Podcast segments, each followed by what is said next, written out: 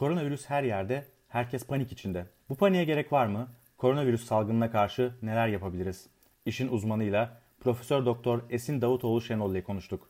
Nöroblog Podcast'te hoş geldiniz. Her hafta yeni konular, yeni konuklarla sinir bilim üzerine sohbetler.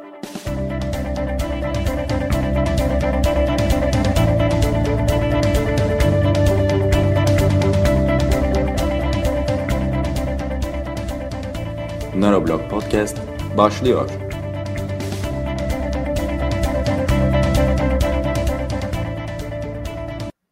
Merhabalar sevgili izleyenler.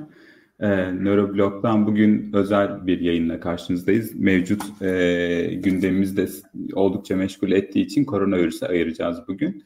Ve bugün e, Esin Davutoğlu Şelenol hocamız bizimle birlikte. Gazi Üniversitesi'nde enfeksiyon hastalıkları profesörü. Merhabalar hocam, hoş geldiniz. Hoş bulduk, merhaba. Ee, öncelikle ben şey sorarak başlayabilirim. Bu e, virüs hakkında ne biliyoruz, neler söylemek istersiniz hocam?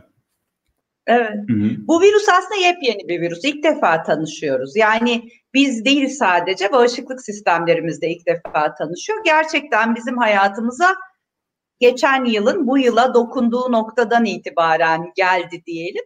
Bu olur. Yani salgınlar da böyle e, senaryolarla öngörülür zaten.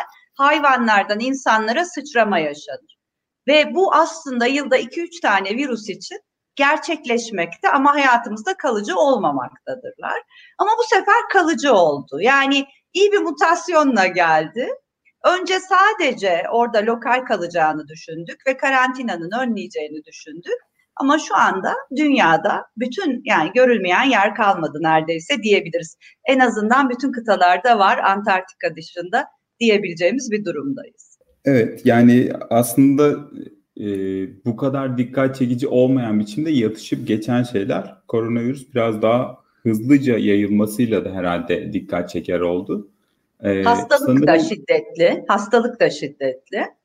Evet, e, ne yazık ki ölüm oranları da alışkın olduğumuz evet. grip gibi diğer virüslerden daha yüksek seyrediyor.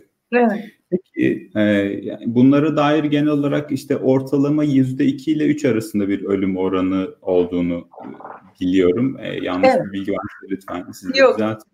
Yani bu şu açıdan çok önemli. E, insanların zihninde çok çok tehditkar, çok e, korkunç senaryolar gibi duruyor. O kadar kötü bir şeyden bahsetmiyoruz aslında yüzde olarak. Hani çok ölüm evet. oranlarının %90 evet. olduğu Ebola gibi bir şeyden bahsetmiyoruz aslında. Aynen öyle ya da MERS-CoV diye bir şey vardı. Aynı aileden daha önce sıçrama yapıp lokal kalan. Orada çok yüzde 40-50 ölüm oranlarından bahsetmiştik sınırlı kalmasına rağmen. Yayıldığı bölgeyi düşünecek olursanız yani o Çin'in Wuhan bölgesini düşünecek olursanız aslında bu rakamın çok büyük olmadığını bir de adamlar kendilerini bir deney tüpü gibi kapattılar. O karantina dediğiniz şey e, aynı zamanda işçi yayılımı da artıran bir şey. Yani riskleri de olan bir şey. Hani SARS'taki refleksle hızlıca karantina kararını aldılar. Bizler için iyi oldu ama kendileri için riski artıran hem psikolojik hem fizyolojik hem de ben, bana sorarsanız virüsle ilgili yayım zincirini artıran bir süreç oldu istemeden. Aynen şu son yaşadığımız bir gemi olayı var hatırlarsanız. O gemideki insanları karantinada tuttular Tutmasalardı evet. o kadar çok insan infekte olmayacaktı bana sorarsanız. Hı hı. Yani hı hı. çok refleksif şeyler yapabiliyoruz başka e, popülasyonları korumak adına. Burada tabii her şeyi bir arada konuşmamız mümkün değil. Belki başka bir programda yaparız. Bunu insan hı hı. hakları açısından falan da ayrıca ele almamız gerekecek. Şu anda evet, evet. biz yangın söndürücü gibiyiz şu anda. Hı hı. Ee, bir yandan da o iç maruziyetin artmasıyla aslında oradaki evet. enfeksiyon oranları belki oldukça yüksek seyretti. Evet. Ee, yani Çin bir yandan tabii dünyanın geriye kalanı için iyi bir şey yapmış olduğunu söyleyebiliriz. Evet. Biraz evet. sınırlama çabası oldu ama bir şekilde de bu, tüm bu çabalara rağmen hızla yayıldığını, SARS'ta görmediğimiz bir şey olduğunu mesela çok e, dünyanın her tarafında bulunduğunu görüyoruz. Peki en çok tartışılan mesele e, ne önlem alalım? Hangi önlemler işe yarıyor? Hangileri mantıklı? Hangileri gerekli? Hangileri gereksiz? Örneğin maske meselesi. Evet. Ya da siz nereden başlamak isterseniz önlem, evet. önlemler hakkında ne diyelim? Aslında önce şuradan başlamak istiyorum. Karantina işe yaramadı Hı. bana sorarsanız. Hı hı. Hı. Uygulandığı bölgede işe yaramadı. Çok iyi niyetle başlandı. Önce karantinaya bir ülkenin kalkışması için hem popülasyonunun hem de sağlık sisteminin dayanıklılığının çok güçlü olması lazım onu söyleyeyim. Çünkü karantina laflarını herkes sıkça ediyor. Hani, hani sanıyorlar ki biz kapıları kapatırsak kapıları e, hatta böyle altlarına da bir takım tıkaçlar falan koyarsak virüs sızmayacak. Virüs Hı-hı. öyle gaz gibi bir partikül falan değil. yani onu söyleyeyim. İşte bu örnekte de görüldü. SARS'ta çok işe yaramış olan karantina burada işlemedi. Hı hı. İşleyen tarafları var. Virüsün yayımını önlediği için, başka taraflarda geç merkezler oluşturduğu için biz zaman kazandık. Zaman kazandıkın anlamı burada sadece tedavi ve aşı için değil. Virüsün mutasyon hızını kestik. Yani bir tane fren yaptık. O freni Çin yaptı bizim yerimize. Ama bu başka ülkeler için o sunu kapasın, bu sunu kapasın değil. Şimdi diğer ülkelerin alacağı tedbirlerde sağlık sistemlerinin güçlendirilmesi filan var ve izolasyon yani hasta kişilerin ayrılması, karantina başka, izolasyon başka. Ama kişisel önlemlerde en çok bizi e, yani bizi e, ulaşmakta güçlük çektiğimiz bir kere bu virüs şöyle bulaşıyor. Hasta kişinin, hasta kişinin, o hasta kişi mikropla karşılaşmış ve hasta olmadan birkaç gün önceki kişi de olabilir. Bunları Hı-hı. yakalayacak hiçbir sistem yok. Çin Hı-hı. bunları yakalamak için farklı yöntemler devreye soktu. Şu anda gördüğünüz o 80 bin rakamlar falan aşağı doğru inecek, ayıklanacak. Hı-hı. Yani bunların Hı-hı. bir kısmı gerçek e, vaka değil. E, kişileri en yoğun bulaştırdığı dönem ateşli oldukları dönem. Dolayısıyla Hı-hı. onlar burun, ağız salgılarıyla, öksürük ve hapşırık yoluyla yani sıçratması lazım size doğru ve sizin de ağzınızın burnunuzun onu alması lazım. Bir metreden yakın mesafe. Hadi bilemediniz daha tedbirli olalım iki metreden yakın mesafe. Şimdi sizin maske takmanız ne sağlar? Onu konuşalım. Hasta değilken hastadan sizi korumak üzere maske takmanız ne sağlar? Maske takmanız birisi size karşı öksürdüğünde elinizle ağzınızı kapatma refleksiniz gecikirse onu sağlar. Arada bir bariyer var. Fakat riski ne? O e, sekresyon maskenin üstünde kaldı. Halbuki elinizi iki dakika sonra dezenfekte edecektiniz. Dolayısıyla maskeniz ne oldu? Kirlendi. Onun için düzgün kullanamayacaksak biz maske kullanılmasını istemiyoruz. İstememe sebebimiz hem kendiniz hem etraf için yeni bir enfeksiyon zinciri oluşturursunuz. Diyelim ki size öksür, öksüren, hapşıran kişi bu korktuğumuz hastalık değil de grip hastalığı farklı zincirlere yol açarsınız. Onun için diyoruz ki siz hasta bakacaksanız, hastaneye girecekseniz, acil servislerde uzun süre bekleyecekseniz, yoğun ve kalabalık bir e, toplu taşım aracında uzun kalacaksanız takabilirsiniz. Ama çıkarırken ve takarken çok dikkatli olup çıkarırken ve takarken elinizi iyice temizleyip onları uygun poşetleyip kapalı kutulara atmak koşuluyla. Bir tane de şey maske meselesi var. Şu bizim kullandığımız ama kullanmayı da çok sevmediğimiz maske. Niye? İnsana zor soluk aldırtır o maskeler. N95 diye her şeyi süzen bir maskemiz var bizim. Aslında meslek hastalıkları için geliştirilmiş bir şey ama biz de onu hava yoluyla bulaşan hastalıklar için kullanırız. O ne demek? Yani havada çok uzun süre fırlayan, uzak mesafelere giden küçük partikülleri süzer. Şimdi sizin bu enfeksiyon için küçük partikül süzmenize ihtiyaç yok. Bu bir. Çok zor soluk alırsınız o maskeyi uygun takmışsanız bu iki. Uygun takmamışsanız zaten yazık günah verdiğiniz paraya ve harcadığınız zahmete. Bir de yüzünüze uygun olması lazım. Bir de mesela Hı-hı. sizde olduğu gibi sakal bıyık olmaması lazım. Evet, Gerçekten işe yaraması için. Hı-hı. Hı-hı. Şimdi yani... bir de internette görüyorum karbon işte filtreli maskeler falan. Bakın biz infeksiyon kontrolü yapıyoruz. Bütün hastanelerde infeksiyon kontrolü yapıyoruz. Bu ne demek? Sizin elinizde süreceğiniz hastanedeki çevrelerden orada kullanacağımız dezenfektanlara hangi odaya nasıl gireceğinize dair biz belirliyoruz. ben bugüne kadar ömrümde karbon filtreli diye bir maske duymadıysam ve bunun işe yararlılığıyla ilgili dünyanın saygın sitelerine tek bir not bile düşülmediyse nanoteknoloji falan diye bir şey yok bizim bu hastalıklar için kullandığımız maskelerde. Çok rica edeceğim. Yani gereksiz şeyler bunlar. Dolu o paralar cebinizde dursun diye düşünüyorum. Oldukça işlevsiz olacak ee, ve bir de meblalar gerçekten inanılmaz yüksek rakamlara doğru çıktı. Bir şekilde bir arz talep dengesi. Bir de e, artık buna ironi denir mi bilmiyorum ama ironik bir biçimde her şey Çin menşeili olduğu için artık oradan sanırım ürünlerin gelmesiyle ilgili bir mesele de ortaya çıktı. Gerçekten çok ironik bir durum. Yani evet, maske evet. de muhtemelen en büyük üretim alanı orası olsa gerek. Gerçekten e, bu buraya çok para yatırmaya çalışan hani bir can havliyle bir çözüm arayan insanlar olduğunu görüyoruz. N95 gibi e, maskelerin benim gördüğüm kadarıyla da ancak hasta olduğu kesin kişilere müdahale eden sağlık ekibinin kısıtlı bir süreyle kullanabileceği 5-10 dakikalık ancak evet. nefes alabilecekleri bir şey gibi görünüyor. Evet. Bu şekilde evet. onu takıp gün boyu sokakta yürümek zaten mümkün ve gerçekçi değil. Önlemlerin şu şu kısmında atlanıyor. Uygulanabilir ve gerçekçi olmaları da önemli. Yani tamamen kendinizi bir fanus içine kapatma şansı yakalayıp onu uygulayamadığımız için bu gerçekçi olmadığı için de zaten bir şekilde böyle bir şey var. Ee, peki bunun dışında özellikle dikkat çeken benim de gördüğüm e, bazı başka öneriler de var. En son bugün sizin Twitter'ınızda da görmüştüm. Batikonla ağız çalkalamaya kadar giden. Yani evet. bunlar bu arada hani yanlış bilgi. Hemen baştan söyleyeyim bunlar tamamen yanlış bilgi ama böyle şeyler yaygın biçimde konuşuluyor. İşte burun, boğaz yıkanırsa tuzlu su, başka bir şeyler dezenfektan böyle bir şey yapılır mı? Niye yapılmaz? Ona dair de neler söylersiniz? Şimdi çok güzel bir tesadüf oldu. Daha doğrusu ben e, Aristo'nun bir lafı vardı. Doğada tesadüf diye hiçbir şey yoktur diye.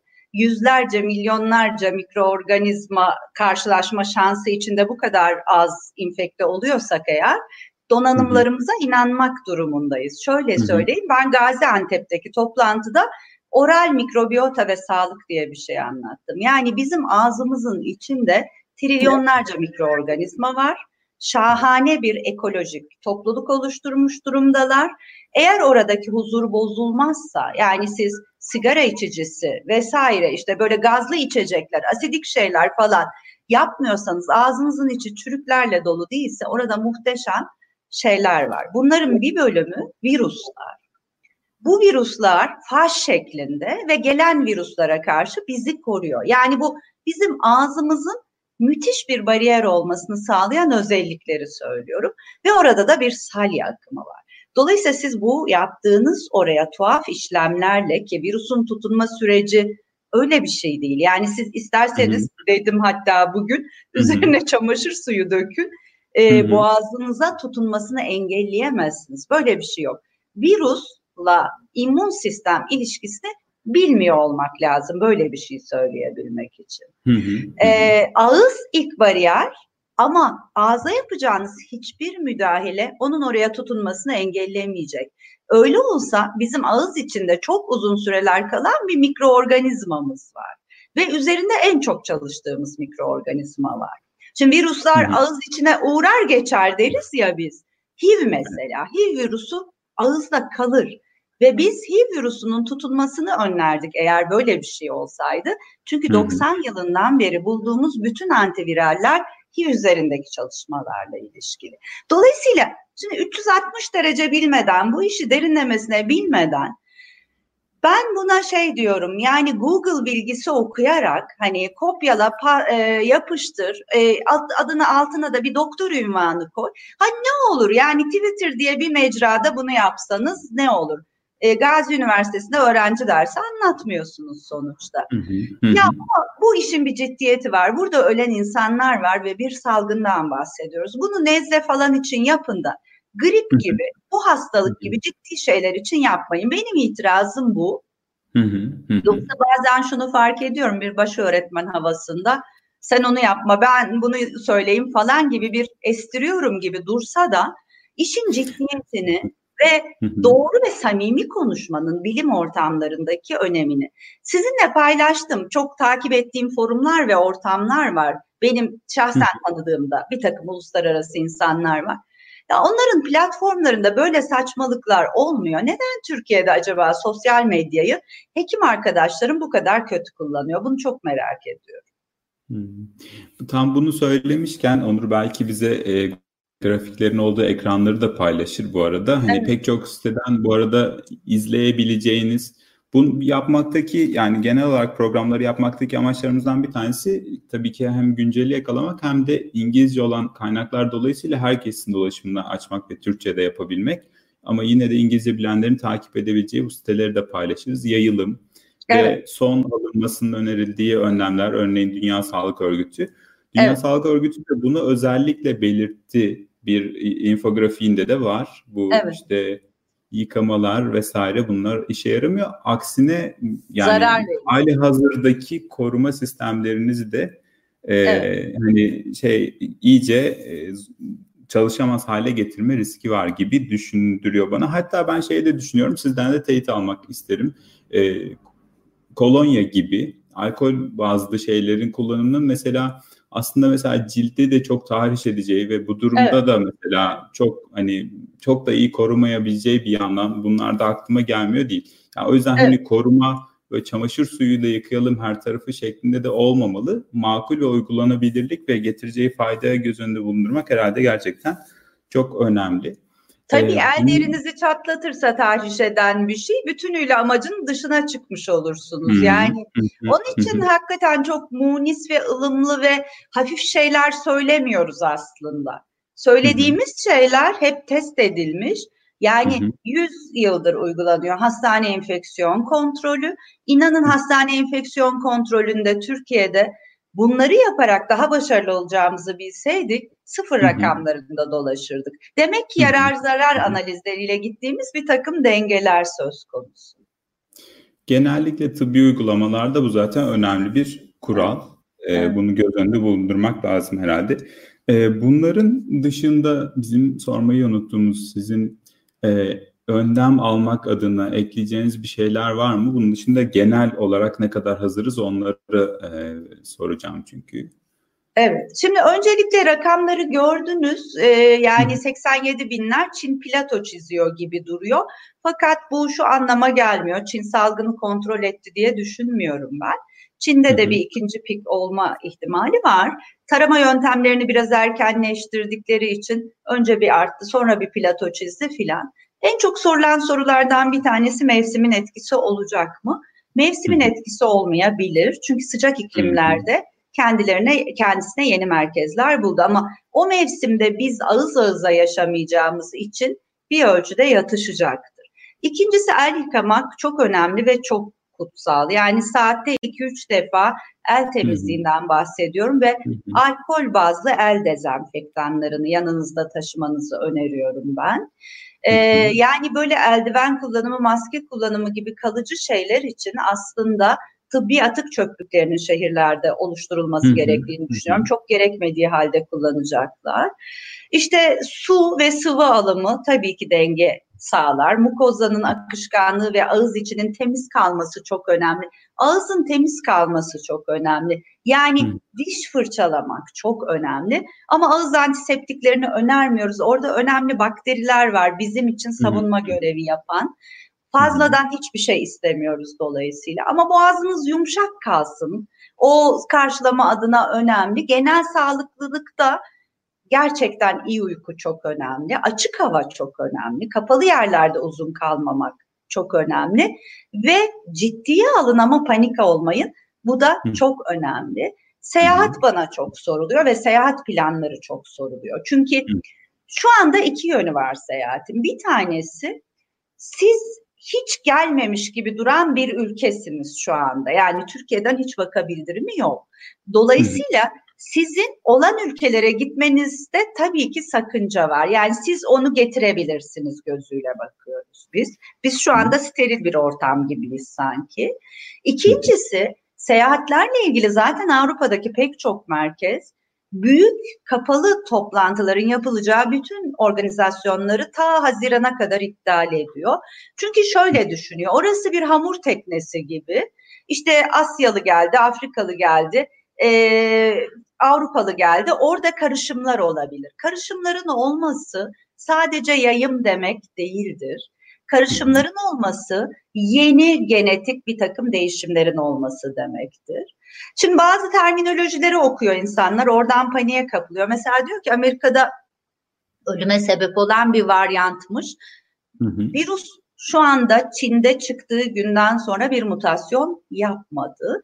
Varyant şu demek, Amerika'nın kendi Covid'i var artık demek. Yani hı hı. orada toplumsal yayım oluyor anlamına geliyor. Karantina karantina diye tutturmayın. Hiçbir işe yaramayacağı halde çok yüksek psikolojik basıncı olan bir şey. Mesela Japonya ciddi bir karar aldı. Okulları kapatma kararı aldı ama bugün çok güzel bir yayın çıktı. Birkaç tane lise çağında çocuk falan bildirilmiş olmakla birlikte çocuklarda neden acaba gelişmiyor? Ve hı hı. daha önce karşılaşılan başka virüslerle bir çapraz koruma mı var? Çocuklar çünkü virüsle çok karşılaşır. Biz biraz unuturuz bu yaşlarda. Ee, iyi ve sağlıklı siteleri takip etmelerini önemsiyorum. Bizim çok güzel bir derneğimiz var, Klimik diye. Yani Türkiye'deki bütün e, infeksiyoncuları kapsar. O dernek sürekli güncelliyor Türkçe kaynak olarak. Ama çok güzel bu Dünya Sağlık Örgütü, ve CDC ikisi birbirinden farklıdır. Yani CDC Amerikan sitesidir. Dünya Sağlık Örgütü bütün işi koordine eden sitedir. Ee, bir de Avrupa Hastalık Kontrol Merkezi var. Bir de Çin Hastalık Kontrol. Onları hı hı. takip etmeniz, infografikleri takip etmeniz yeterli. Zaten ben ömrümde kullanmadığım kadar sosyal medya kullanmaya başladım. Çünkü bilgi kirliliğinin yaratacağı panik, sağlık sisteminin kaldıramayacağı bir stres demektir. Ben şöyle diyorum. Bir, ağzınızı ve boğazınızı rahat bırakın ki kendi işlevini yapsın. İki, bizi rahat bırakın ki işlevimizi yapalım. Üzerimizdeki basıncın azalması gerekiyor. Yani acillerdeki basıncın azalması gerekiyor. İş yükünün makul ölçülere gelmesi gerekiyor. Onun için hep beraber geçeceğimiz bir yol ve aslında bakın ben ne kadar sakinim. İlk karşılayacak olan bizleriz ve yüksek olasılıkla karşılaşıyor ve karşılıyoruz. Ciddiye almıyorum anlamına gelmiyor. Makul ölçüde ciddiye alıp tedbirli davranıyorum sadece. Gerçekten yani yerinden bilgilendirme için müteşekkiriz. Sosyal medya kullanmanız bu açıdan bizi sevindiriyor. Çünkü ana haber alanlarından, haber alma kaynaklarından birisi tartışmasız biçimde. Şey soracağım, hayvanlarla ilgili mesele, hayvanlara evet. bulaşım hayvanlardan bulaşır mı? En son noktada böyle bir şeyler, böyle bir tartışma da çıkması üzerine buna dair fikirlerinizi de almak isteriz. Şimdi ben aslında o paylaşımı yapmakta geciktim ama dedikodu çıkacak baktım onun üzerine yaptım. Hong Kong'da bir tane pet hayvanda, pet köpekte, ev köpeğinde virüs bulundu. Ama bakın biz virüse hangi yöntemle bakıyoruz? Bir moleküler yöntemle bakıyoruz ve bu bir RNA virüsü ve büyük bir RNA virüsü. Ne demek istiyorum? Havada da baksanız bulursunuz. Yani hı hı. bu onun infekte ya infekte materyal olduğu ya da infektif olduğu anlamına gelmiyor. Sekresyonun içinde ve hasta kişi tarafından sıçratılması gerekiyor ve dış yüzeyde sekresyonun içinde bir süre kalması gerekiyor ki bulaşsın. Şimdi bu hayvan tek bir tane hayvanda bakıldı ve bulundu. Hemen üstüne bütün uluslararası kuruluşlar, Dünya Sağlık Örgütü dahil bu infeksiyon anlamına gelmiyor, araştırılıyor ama dediler. Bir şey olursa hemen anında haber verilecek e, köpekler ve kediler insanın ağız florasında ve cilt florasında bulunan mikroorganizmalarla genellikle karşılaşır, adapt, onlara da adapte olur. Hatta onları hasta etmeden adapte olabilir. Ama şu anda öyle bir veri yok. Ve şu anda kedi ve köpekleri ellemenin ve bir arada yaşamanın bu anlamda hiçbir sakıncası yok. Onu söyleyeyim. Ee, bir de soru e, görüyorum. Onu da sorayım. Virüs vücudumuzda hangi hücrede yerleşip hangisinde kalıyor? Host hücresi hangisi diye sormuş evet. birisi. Bu çok güzel bir soru. Aslında bizi ters köşe yapan konu da bu. Boğazda kalmadan hop akciğere gitmesi. Yani hmm. bildiğimiz boğaz ve burunda çoğalan nezle ve grip virüslerinden farklı davranması. ACE2 diye bir reseptör ama onun bir de koreseptörü var. Tek başına değil. En çok hmm. yani bu aslında vücudumuzun her tarafında var ama akciğerdekini seçtiği düşünülüyor. Hep düşünülüyor. Hep şimdilik. Çünkü şu anda bakın yapılmış olan bütün analizler bir deney tüpü gibi homojen bir grupta yapıldı. Sadece Asyalılarda yapıldı. Sadece o pazara ve o ortama maruz kalmış olanlarda yapıldı. Daha geniş veri daha sonra gelecek. Şimdi hı hı. çok tabii işin hoş yanları var. Hong Kong e, yani Singapur inanılmaz dokümantasyon yapıyor. inanılmaz veri tutuyor tek tek kaydediyorlar. Biz domuz gribi pandemisinde de aynı şeyi yaşadık. 150 yıldır bildiğimiz grip virüsüyle ilgili o kadar yeni şeyler öğrendik ve risk gruplarını değiştirdik ki burada da öyle olacak. Ama şunu söylemeye çalışıyorum. Şimdilik ACE2 reseptörü bir tane de yanında bir e, protein yapıyla beraber tutunduğunu düşünüyoruz. Ve bununla ilgili şöyle söylentiler dolaşıyor. Asyalılarda çok, erkeklerde çok. Evet belki öyle ama hiçbir önemi yok. Çünkü böyle bir bağlantı kurulamadı. Yani kadın, erkek, Asyalı, beyaz herkes aynı ölçüde yakalanabilir. Akciğerimizdeki bu reseptörlerde bulunduğunu, o reseptörlere tutunduğunu şimdilik söylüyoruz. Başka Zaten hücrelerde yok yani. Amerika'da hayatını kaybeden de bir kadındı değil mi? Ben yanlış bilmiyorum. Sonradan yani. düzelttiler onu. Ben de öyle koydum. Trump yanlış telaffuz etmiş onu. Ee, erkek ama beyaz bir erkek. 55 yaşında beyaz bir erkek. Bir de şu kısım çok çok önemsediğim şeylerden birisi siz de vurguluyorsunuz. Şu ana kadar bildiklerimiz bunlar. Bu bence çok önemli noktalardan birisi. Yani şöyle bir baskı olduğunu da görüyorum. Yani insanlar bir an önce elbette hepimiz de öyle. Yani bir kesinlik olsun, her şey bir açıklığa kavuşsun. Hatta sorun çözülsün istiyoruz bir refleksle. Ve bütün bilgilerin yani o bilgi karmaşası da buradan besleniyor galiba. Hemen peşine düşülebiliyor. Sanırım hani bilebildiklerimiz bu kadar alınabilecek önlemlerde şu anda öngördüklerimiz bu kadar daha fazlasını öğreneceğiz ama bazı noktalarını da bilmiyor olabileceğimizi de biraz kabul etmek lazım. Belki bu da yanlış bilginin yayılmasının önüne geçmek için önemli noktalardan biri olabilir. Çünkü daha fazla daha fazla bilgi şu anda elimizde olmayabilir. Hatta gerekmeyebilir. Yani belki de korunmak için alacağımız önlemler şu anda bunu yatıştırmak için yeterli olabilir. Tabii ki umarım aşısı, umarım e, buna karşı bir antiviral ilacın geliştirilmesi en kısa zamanda olur ama bunlar bir, biraz daha zaman alacak gibi duruyor şimdi. Onur bir soru daha var demiştin. Evet bir soru Onu... daha var. Bunu da sormak istiyorum e, dinleyenlerden gelmiş. Pınar Hanım sormuş. Pınar da diyor ki Türkiye'de vaka görülmemesi şimdiye kadar normal mi? Ee, değil. Bir, baş, bir, bir başkasının sorusuyla hemen bir başkasının e, sorusuyla birleştireyim. Bir başka dinleyicimiz de diyor ki böyle bir salgının Türkiye'de vaka görülmeden sona ermesi dünyada mümkün mü? Ya da Yok, e, değil. koronavirüsü ne zaman Türkiye'ye misafir edeceğiz gibi bir soru. E şimdi mümkün değil tabii ki. Yani bizim temaslarımız düşünüldüğünde biz yani e, Wuhan havaalanı kapatıldığında bir grup araştırıcı, bir grup epidemiyolog o havaalanına kaç kişinin girip çıktığını, o havaalanı e, bir mesafe uzaklıkta başka bir havaalanı projeksiyonuyla 10 ülkeyi söyledi ve o 10 ülke şu anda diğer merkezler. Yani bu kadar modellemelerin tuttu. Ebola'da aynı şey yapıldı. Bütün modellemeler tuttu. Mümkün değil. Bizde hafif vakalar, yüksek olasılıkla ama şu anda ağır seyreden zaten grip bizim olgu tanım kriterlerimiz var. Biz ilk olduğumuz için henüz sıfırdan bir vaka tanımlayacağımız için biz seyahat öyküsü arıyoruz.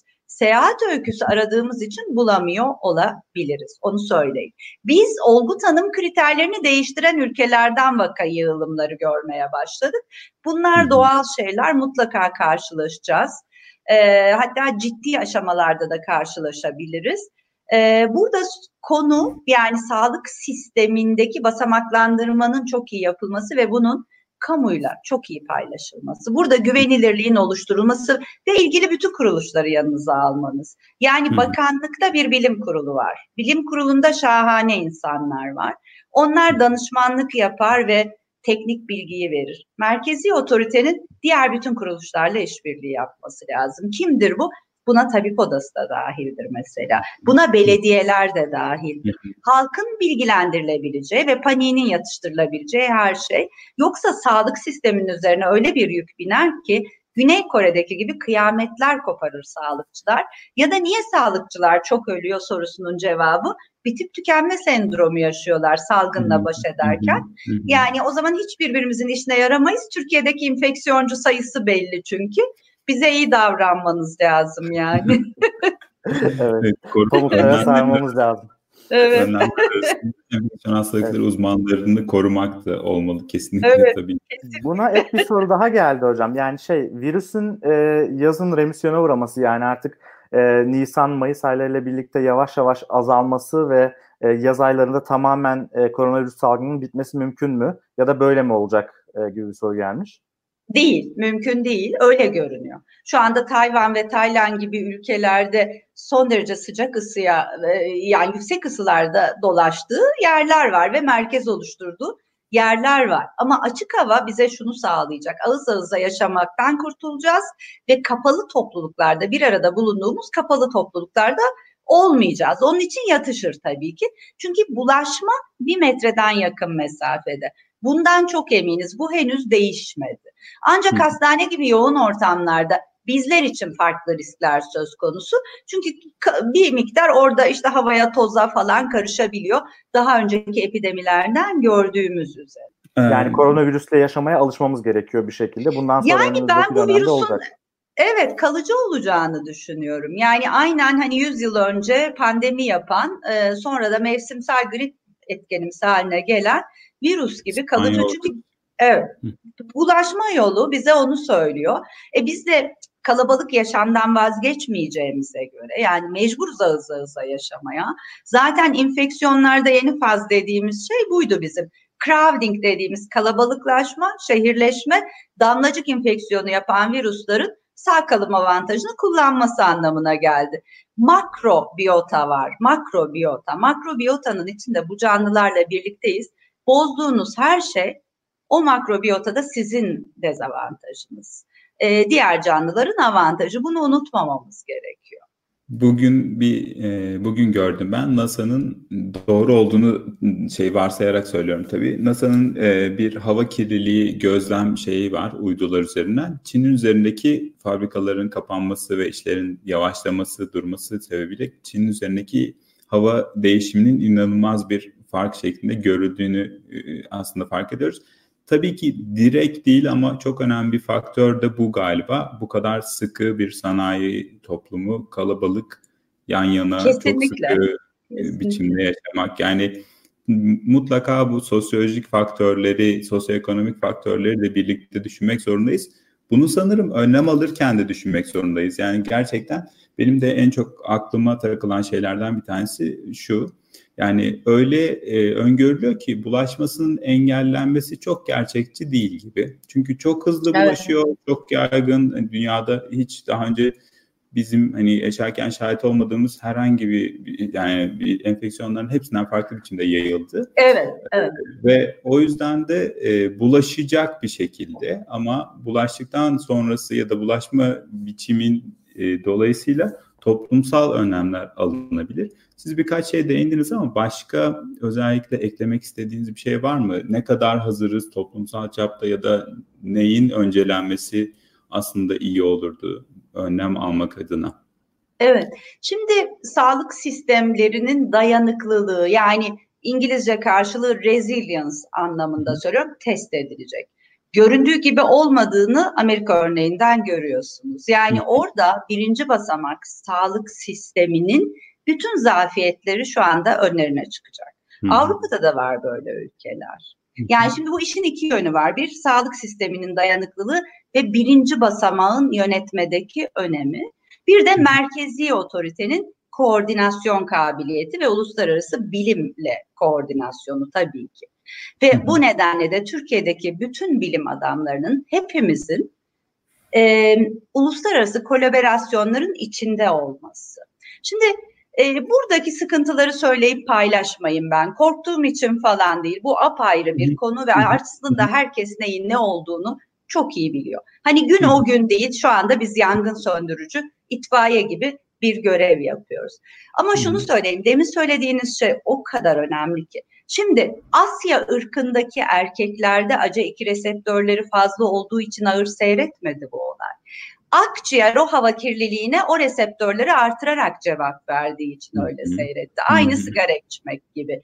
Dolayısıyla siz kirli hava soluduğunuz sürece, kötü besin yediğiniz sürece ve bakın iki tane çok önemli konu var. Sizi bütün hastalıklardan koruyacak söz veriyorum. Bir tanesi ağız sağlığınız ve temizliğiniz. İkincisi el temizliğiniz. Gerçek anlamda el temizliğiniz. Biz bunu yani infeksiyoncular olarak 20 yıldır söylüyoruz zaten grip için söylüyoruz. Grip pandemisinden beri söylüyoruz.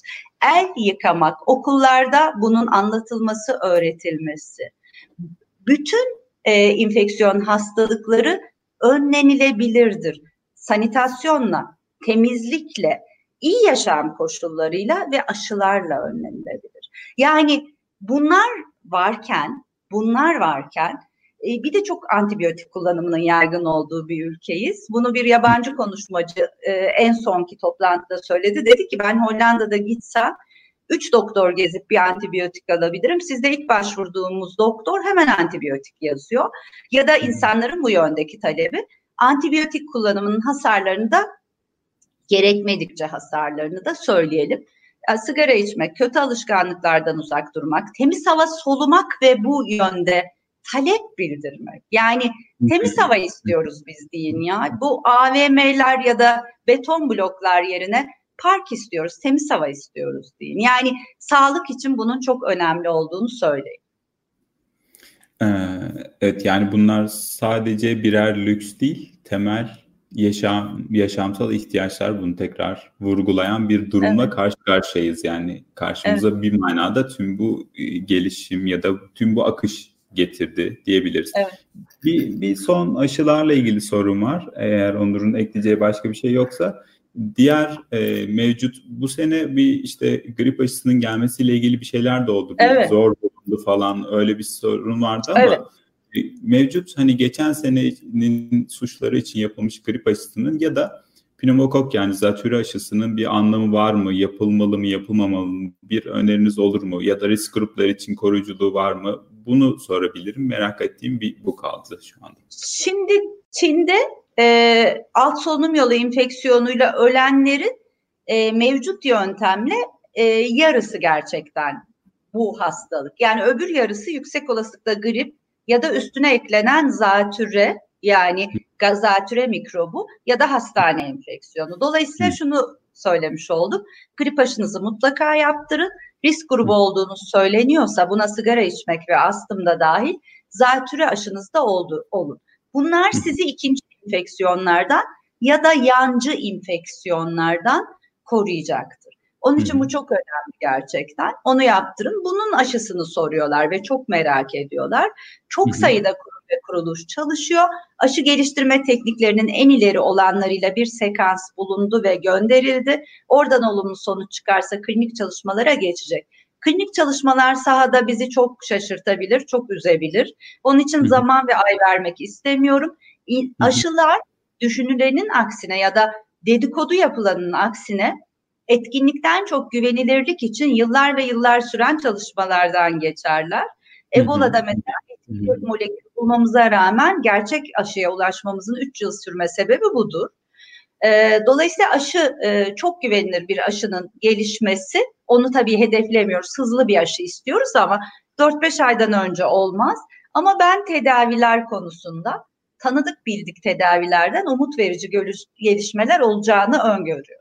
Çok teşekkür ederiz. Ee, şu ana kadar herhalde genel e, merak ettiğimiz şeyleri ek, sormuş oldum en azından kendi adıma. Onur senin ekleyeceğin başka ya da merak ettiğin bir şey var mı? Koronavirüsün tekrar edebildiğini yani daha önce iyileşen hastalara tekrar edebildiğini söylemişler. Bu doğru mu? Bu ilgimi çekti benim. Bir de ikincisi de herhalde şu anda bildiğimiz bir takım antiviraller koronavirüste kullanılacak ve bunlar da kısmen etkili olabilir gibi görünüyor. Bununla ilgili de belki çok ufak bir şey söylerseniz. Şimdi öncelikle reinfeksiyon dediğimiz süreç için uygun olmayan süre aralıklarında bir bildirim yapıldı. Mümkün değil. Yani mümkün değil. Pek çok e, bu konudaki söz sahibi e, insanda bunun mümkün olmadığını söylüyor. Yüksek olasılıkla test yöntemiyle ilişkili bir uzamış e, pozitiflik bulunması söz konusu. Reinfeksiyon bir daha daha iyileşmeden tekrar infeksiyon bu viral infeksiyonlar için mümkün değil. Hatta bu kişilerin iyileşmiş kişilerin e, plazmaları kullanılarak iyileşmiş vakaları var. Biz e, sahada şu anda çalışması sürdürülen ilaçlara erişemeyebiliriz. Yani merkezi otorite bir kolaborasyona gidip bize de bu ilaçları alma yoluna gitmezse erişemeyebiliriz. Çünkü iki tane faz 3 çalışma başvurusu yapılması şu demek.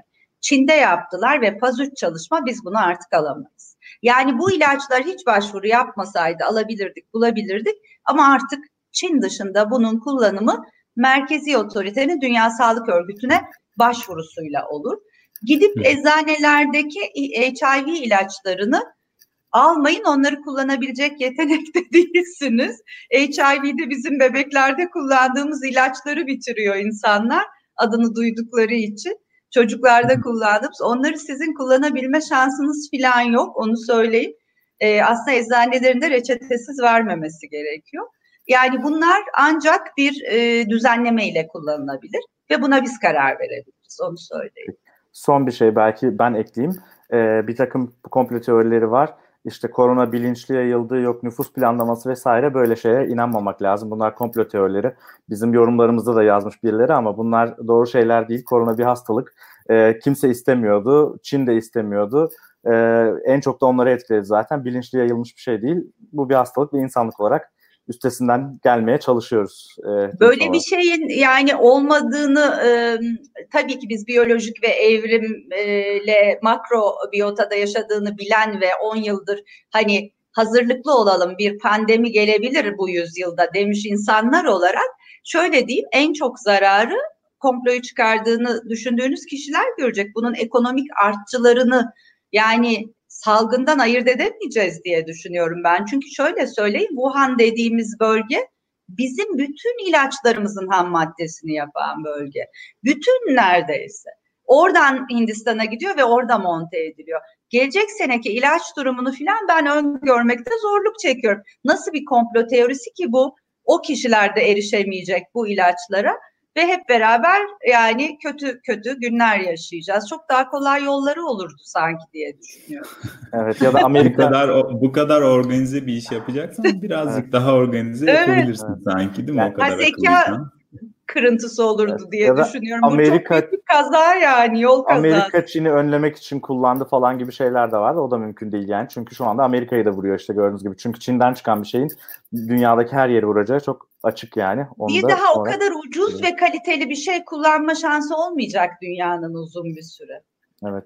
Bu da dünya ekonomisini etkileyecek aslında ilginç bir evet. şekilde. Çok o zaman... teşekkür ederiz. Çok e, yani gerçekten çok mutlu olduk bunu konuşabildiğimiz için e, ve kaynağından güvenilir bilgileri paylaşma şansı bulduğumuz için.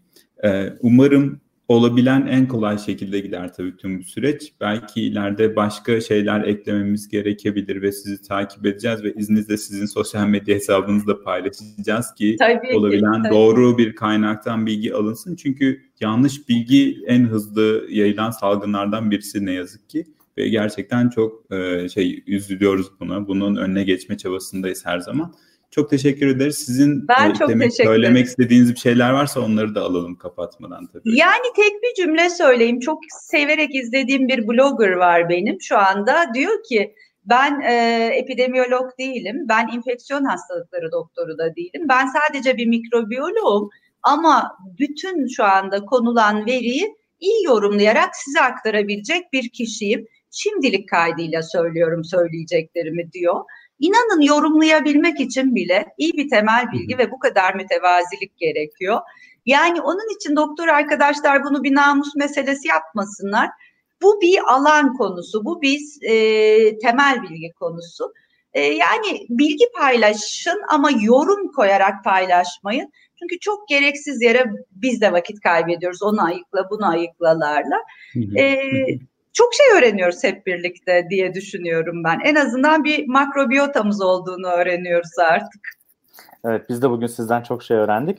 çok teşekkür ederiz hocam. Sizi e, uğurlayacağız. Sonra birkaç dakika Taner'le konuşacağız. Sonra da yayını bitireceğiz herhalde. Tamam. Ağzınıza sağlık. Görüşmek üzere tekrar. Çok teşekkürler. Çok sağ teşekkür olun. Ederiz. Görüşürüz. Hoşçakalın. Evet. Bayağı bir şey öğrendik Taner. Evet. Biraz güncelleme yapmış ya da toparlama yapmış olduk. Ee, bunu olabildiğince ya, bu arada hani yaymak istiyoruz. Bir sabitleriz bu yayını. Hatta bu noktadan bölerek ilk kısmı ve ikinci kısmı şeklinde de şey yapabiliriz belki. Birkaç nokta daha var. Onları da e, bu arada Esin Hoca sağ olsun hani yol yorgunu bizi kırmayıp katıldı. O yüzden onu daha fazla tutmak istemedik. Programı hani hem kompakt olsun diye burada tamamlayalım istedik. Bir iki konu daha var benim aklıma takılan. Onları da hem senin fikrine sunmak hem de biraz konuşmak isterim şunu söylemek isterim. Bizim böyle e, temel bir prensip kararımız var. Apolitik değiliz. Apolitik olmaya inanmıyoruz ama güncel politikayı çok fazla alan kaplayan böyle hatta her şeyin üzerinden sindir gibi geçen bir şey gibi gördüğümüz için de biraz böyle biraz onu yani yanı sıra tutmak ya da olabildiğince sınırlamak istiyoruz ama şu son günlerde olan şeylerle birlikte işte ölen askerler, mülteciler bu biraz bana şunu düşündürür. Tıpkı Çin'deki mesele gibi ve sosyal bağlamdan nasıl koparamayacağımızı bugün düşünürken aklıma gelen şeylerden bir tanesi bu. Ee, onu söylemek istiyorum. Bir kere burada şöyle bir şey var. Şimdi az önce Esin Hoca ile de konuşunca e, meselenin tek tek insanların kendilerini izole ederek aşılamayacağı kesin. Yani mecburen toplumsal bir düzlem yakalamamız gereken bir konumdayız. Gerçekten de şey gibi oldu öyle Walking Dead dizilerinde falan olduğu gibi yani mecburen bir ortak kod kurmak zorunda olduğumuz bir durumdayız. Artık çok tercihli falan bir şey değil. Bunun ne alakası var işte mültecilerle?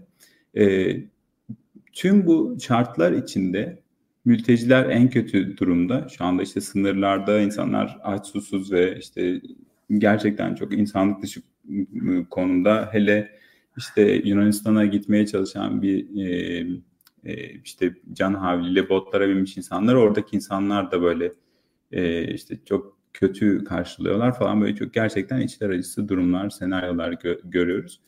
E, sadece onlarla da bitmeyen genel olarak toplumda insanların ne kadar kötü koşullarda işte ne kadar sağlık hizmeti, temel insani ihtiyaçlar, e, gibi şeylerden uzak olabileceğini gösteren bir durum. Bu gerçekten hani artık önümüzde böyle çok somut, elle tutulabilir bir salgının olmasıyla daha da netleşmiş biçimde. Siz eğer bu tüm bunların hepsini birlikte ele almazsanız sanırım salgını doğru düzgün hazırlanmanız mümkün değil. Yani hiç insani bir değerden eğer bahsetmiyor olsanız bile en azından toplumdaki bütün herkesin ortalama bir sağlık standartını yakalaması, temel insani ihtiyaçlarının yerine getirilmesinin toplum sağlığı için ne kadar büyük bir e, önem taşıdığını vurgulamak da gerekir. Elbette yani tüm bu mesele çok insani bir kriz ve çok üzücü. Bu tabii ki bir kenarda ve en önemli kısım bence zaten bu. Ama en azından şunu da görmeli. Bence sanırım buna e, insancıl bir açıdan bakmayı reddedenler dahil bir bir bütün olmak zorunda olduğumuz bir durumdayız. Yani tüm herkes burada yaşayan artık e, gördüğümüz o sınırların da pek bir önemi yok göründüğü kadarıyla. Yani İran'la aramızda koyulmuş olan işte duvar, tel, tel örgü ya da işte sınır kapısının bir virüsün geçişini engellemeyeceğini biliyoruz artık orada virüs olduğu için söylüyorum örneğin. Yani o yüzden artık insani değerlerle sosyolojik bağlamla biyolojik bağlamın birbirine böyle dokunduğu bir noktadayız. O yüzden biraz böyle sanki hani oyun kuramı da, da hatırlatan bir noktadayız. Yani hepsini kendiniz için istemek bir kez daha insani değil sanırım. Bir, bir yandan bunları da düşündüm. Ee, böyle bir evet. noktadayız bir ilgimi çeken, dikkatimi çeken böyle bir tarafta var. Kesinlikle katılıyorum yani biraz hani küreselleşmeyle alakalı belki işte herkes zannediyor ki yani Avrupa zannediyor ki ben kapıları kapatırım e, gözümü de kapatırım. Bu mülteci dramını başkalarının tepesine çöker. Ben bana hiçbir şey olmaz. Böyle hmm. olacağını düşünmüyorum. Yani illaki etkilenecekler onlar da. Yaptıkları da hmm. çok büyük bir ikiyüzlülük ve işte yani burada Almanya'da yaşıyorum işte ben yani tartışıyorum hani insanlarla konuşuyorum. Gerçekten çok büyük bir e, ikiyüzlülük Avrupa Birliği tarafında var. Ee, öte tarafta tabii daha büyük, daha iyi bir insani bir tarafta görmüyoruz yani işte mültecileri oralara yığmak falan. Bunlar da çok makul işler değil, doğru işler değil bir yandan düşününce. Öte yandan ama bir rahatsızlık da var. Yani toplumda 4 milyon insan var Türkiye'de ve bu kabul edilebilir bir yük değil yani bir genel olarak yani Türkiye'deki toplum için. Ee, yani çok kolay şeyler değil. İşte koronavirüs de benzer bir hikaye aslında. Kimse kapısını kapatıp da evinde huzurlu bir şekilde yaşayamaz. Artık dünyada hep birlikte yaşıyoruz ve bütün meseleleri de küresel ölçekte işbirliğiyle işte çözmek zorundayız. Herhalde bunu vurgulamak lazım bu anlamda. Şartlar kendi kendine vurguladı gibi de geliyor. Evet, yani hani böyle öyle. ancak bu kadar olabilirdi falan gibi bir evet.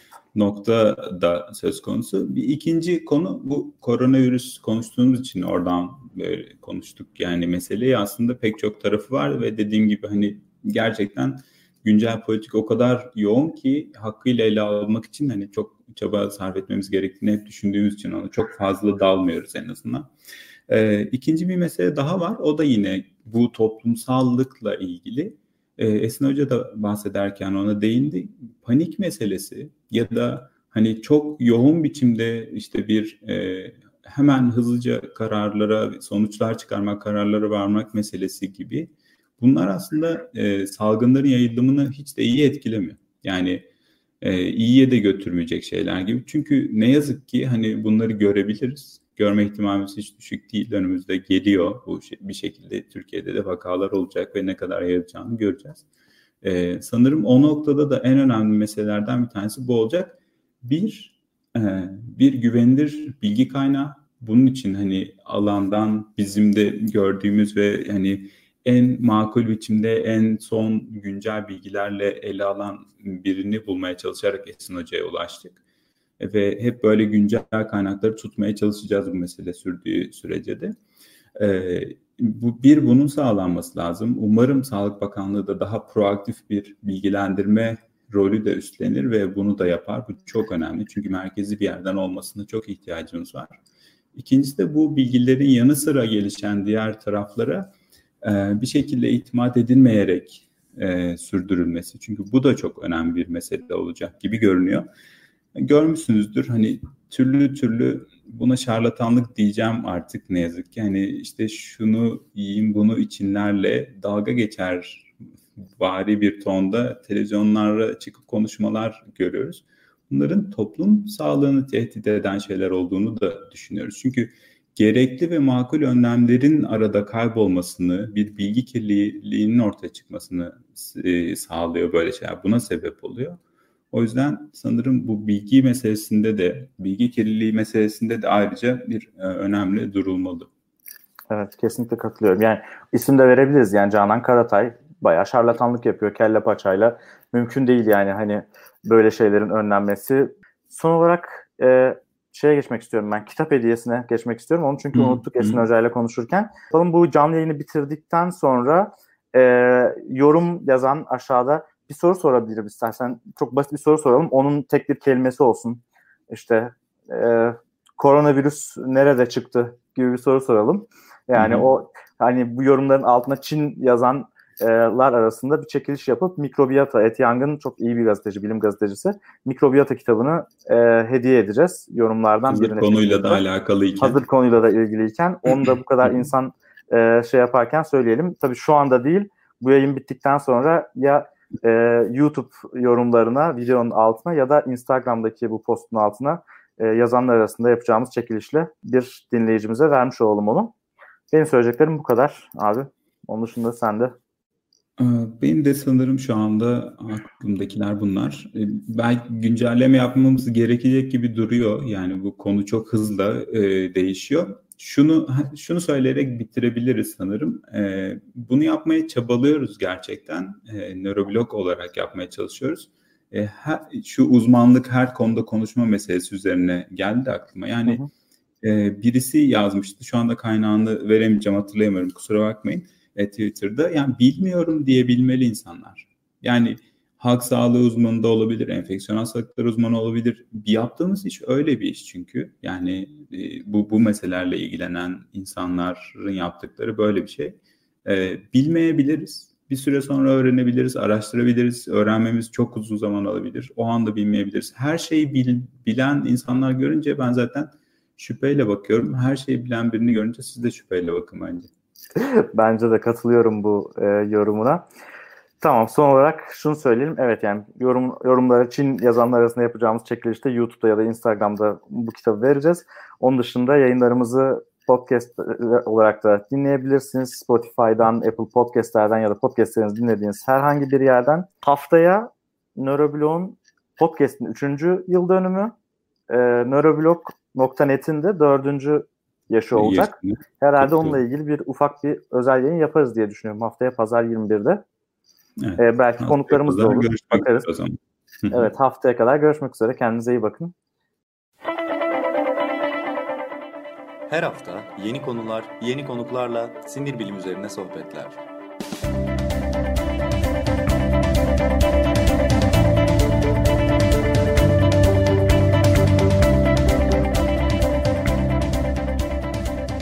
Neuroblog Podcast sona erdi.